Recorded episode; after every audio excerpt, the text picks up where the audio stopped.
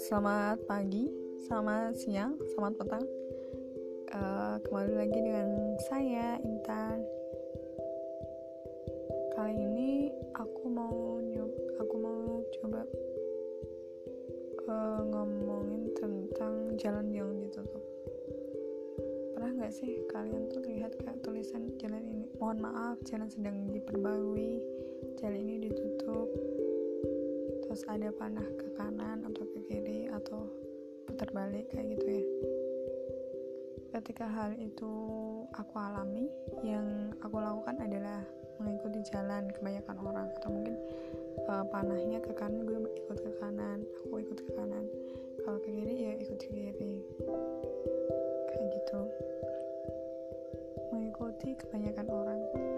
Uh, pernah sih kayak ikut-ikutan kebanyakan orang terus pas diikutin ternyata itu rombongan ke salah satu rumah. Maksudnya gimana ya? Maksudnya itu rombongan ke salah satu rumah kayak gitu. Jadi kayak rombongan main bareng kayak gitu loh. Dan habisnya itu aku ikutin mereka. Jadi kayak aku kira sejalan ternyata mereka beda tujuan jadi ya otomatis aku nyari jalan sendiri sesuai feeling dan entahlah pokoknya itu sesuai feeling. Nanti kalau sampai kesasar aku tanya gitu. Akhir dari setiap perjalanan pasti menemukan jalan yang pernah dikenal atau memang jalan yang dituju. Yang terpenting ada ada tujuan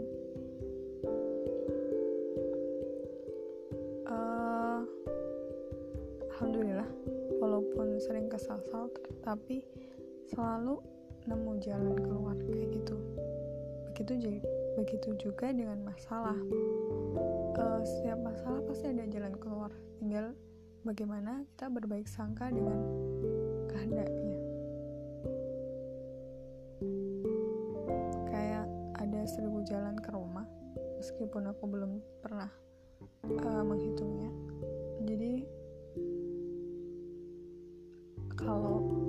ditutup masih ada B. Kalau B ditutup masih ada C. Kalau C ditutup masih masih ada D dan seterusnya. Yang terpenting sih kuncinya berbagi sangka. Tapi itu suatu hal yang gak mudah sih perlu latihan berkali-kali. Untuk jadi kayak gitu untuk jadi tetap yakin kayak gitu loh. Yakin yakin pakai ya selamat selamat merenung dan semoga bermanfaat.